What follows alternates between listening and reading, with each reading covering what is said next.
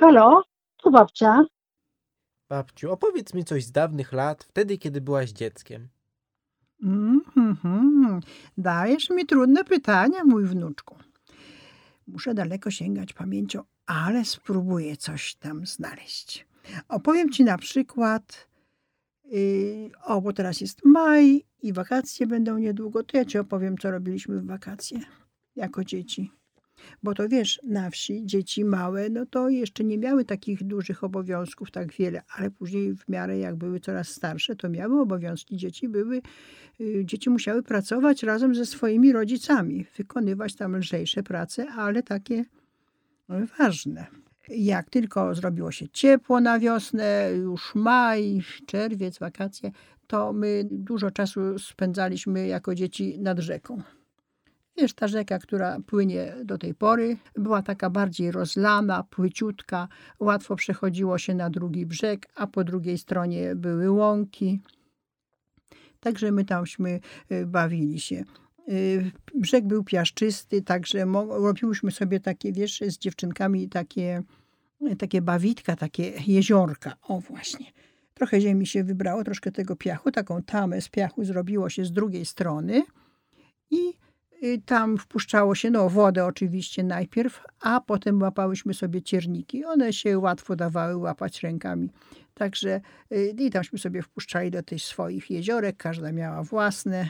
No i tak, wiesz, które były ładniejsze, które były mm, więcej, która miała więcej tych rybek. No takie tam żeśmy sobie wymyślały zabawy. Babcia mówi tu, co dziewczynki robiła, co robili chłopcy chłopaki, chłopaki to wiesz, jeżeli już tam nad rzeką byli, to albo się kąpali, albo o, jak któryś miał kosz, to zbierali raki. Wiesz, raki to one y, mieszkają y, głęboko pod, pod brzegiem. Trzeba było tak, takie różne tam dziury są pod, wiesz, w ziemi, y, w wodzie, ale też tak w ziemi. I tam trzeba było rękę włożyć i tam chłopaki te raki stamtąd wyciągali. Sama nigdy nie próbowałam tego robić, ale widziałam, jak chłopaki to robią. Żeby do tej rzeki dojść, trzeba było przejść przez ten mały lasek, bo wzdłuż wsi zawsze się mówiło lasek. Trudno było, trudno ten lasek nazwać lasem, bo on jest mały. E, więc przez ten lasek, ten lasek zupełnie inaczej wyglądał kiedyś, jak ja byłam jeszcze dzieckiem, niż teraz.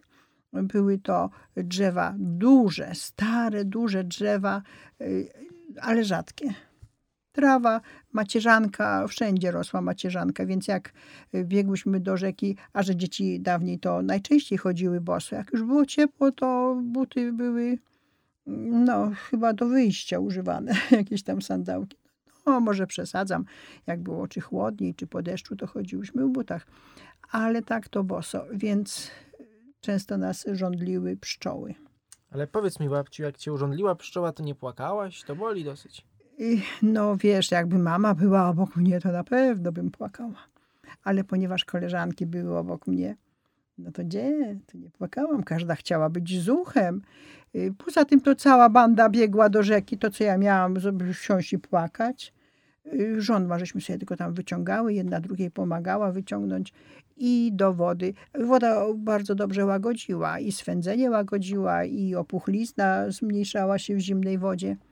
Także jak się już później tam bawiłyśmy, to przy, jak szłyśmy do domu, to już nie było śladu po urządleniu pszczoły. W jaki sposób jeszcze babcia spędzała wolny czas z innymi dziećmi ze wsi? O, na przykład mówiłam ci, że były łąki po drugiej stronie rzeki, więc tam kwiatki zbierałyśmy. Y, dawniej uprawa łąk inaczej wyglądała niż teraz nie było takich, przynajmniej nie stosowało się tak wiele nawozów, także te łąki były bardziej kolorowe. Kwiatki rosły przeróżne kolory. No, to zbierałyśmy na bukiety. Mamy moją wzrusz, a twoją prababcię wzruszały te bukiety do łez, jakie przynosiłam do domu. Często robiłyśmy sobie wianki, wiłyśmy wianki, o, bo to tak się mówi, że się wije wianek na przykład mlecze bardzo dobrze nadawały się do wianków, bo szypułki mają długie, y, miękkie. Łatwo jest z nich robić wianek. O, wiesz, jak już w czerwcu zaczynały się jagody, to bardzo lubiłam chodzić na jagody. Chyba wszystkie dzieci we wsi lubiły chodzić na jagody. Oczywiście w naszym lasku nie było jagód. To za mały ten lasek był. No, Tylko tak gdzieś ze 3-4 kilometry chodziłyśmy do lasu. E, Zawsze pod nadzorem kogoś starszego. Któraś tam ze starszych kobiet szła ze wsi, to zabierała dzieciaki ze sobą. Mm, To była cała wyprawa. Mama szykowała jedzenie, jakieś kanapki, butelkę, herbatę. No i kankę w rękę, garnuszek taki, zbieraczek się mówiło, że to wiesz, żeby nie od razu do kanki, tylko w garnuszek, bo to wiesz, jak wrzucasz po jednej, dwie jagódki do kanki, to strasznie powoli przybywa. Ale jak w mały garnuszek, to szybciej go nazbierasz. A co to takiego ta kanka? Kanka?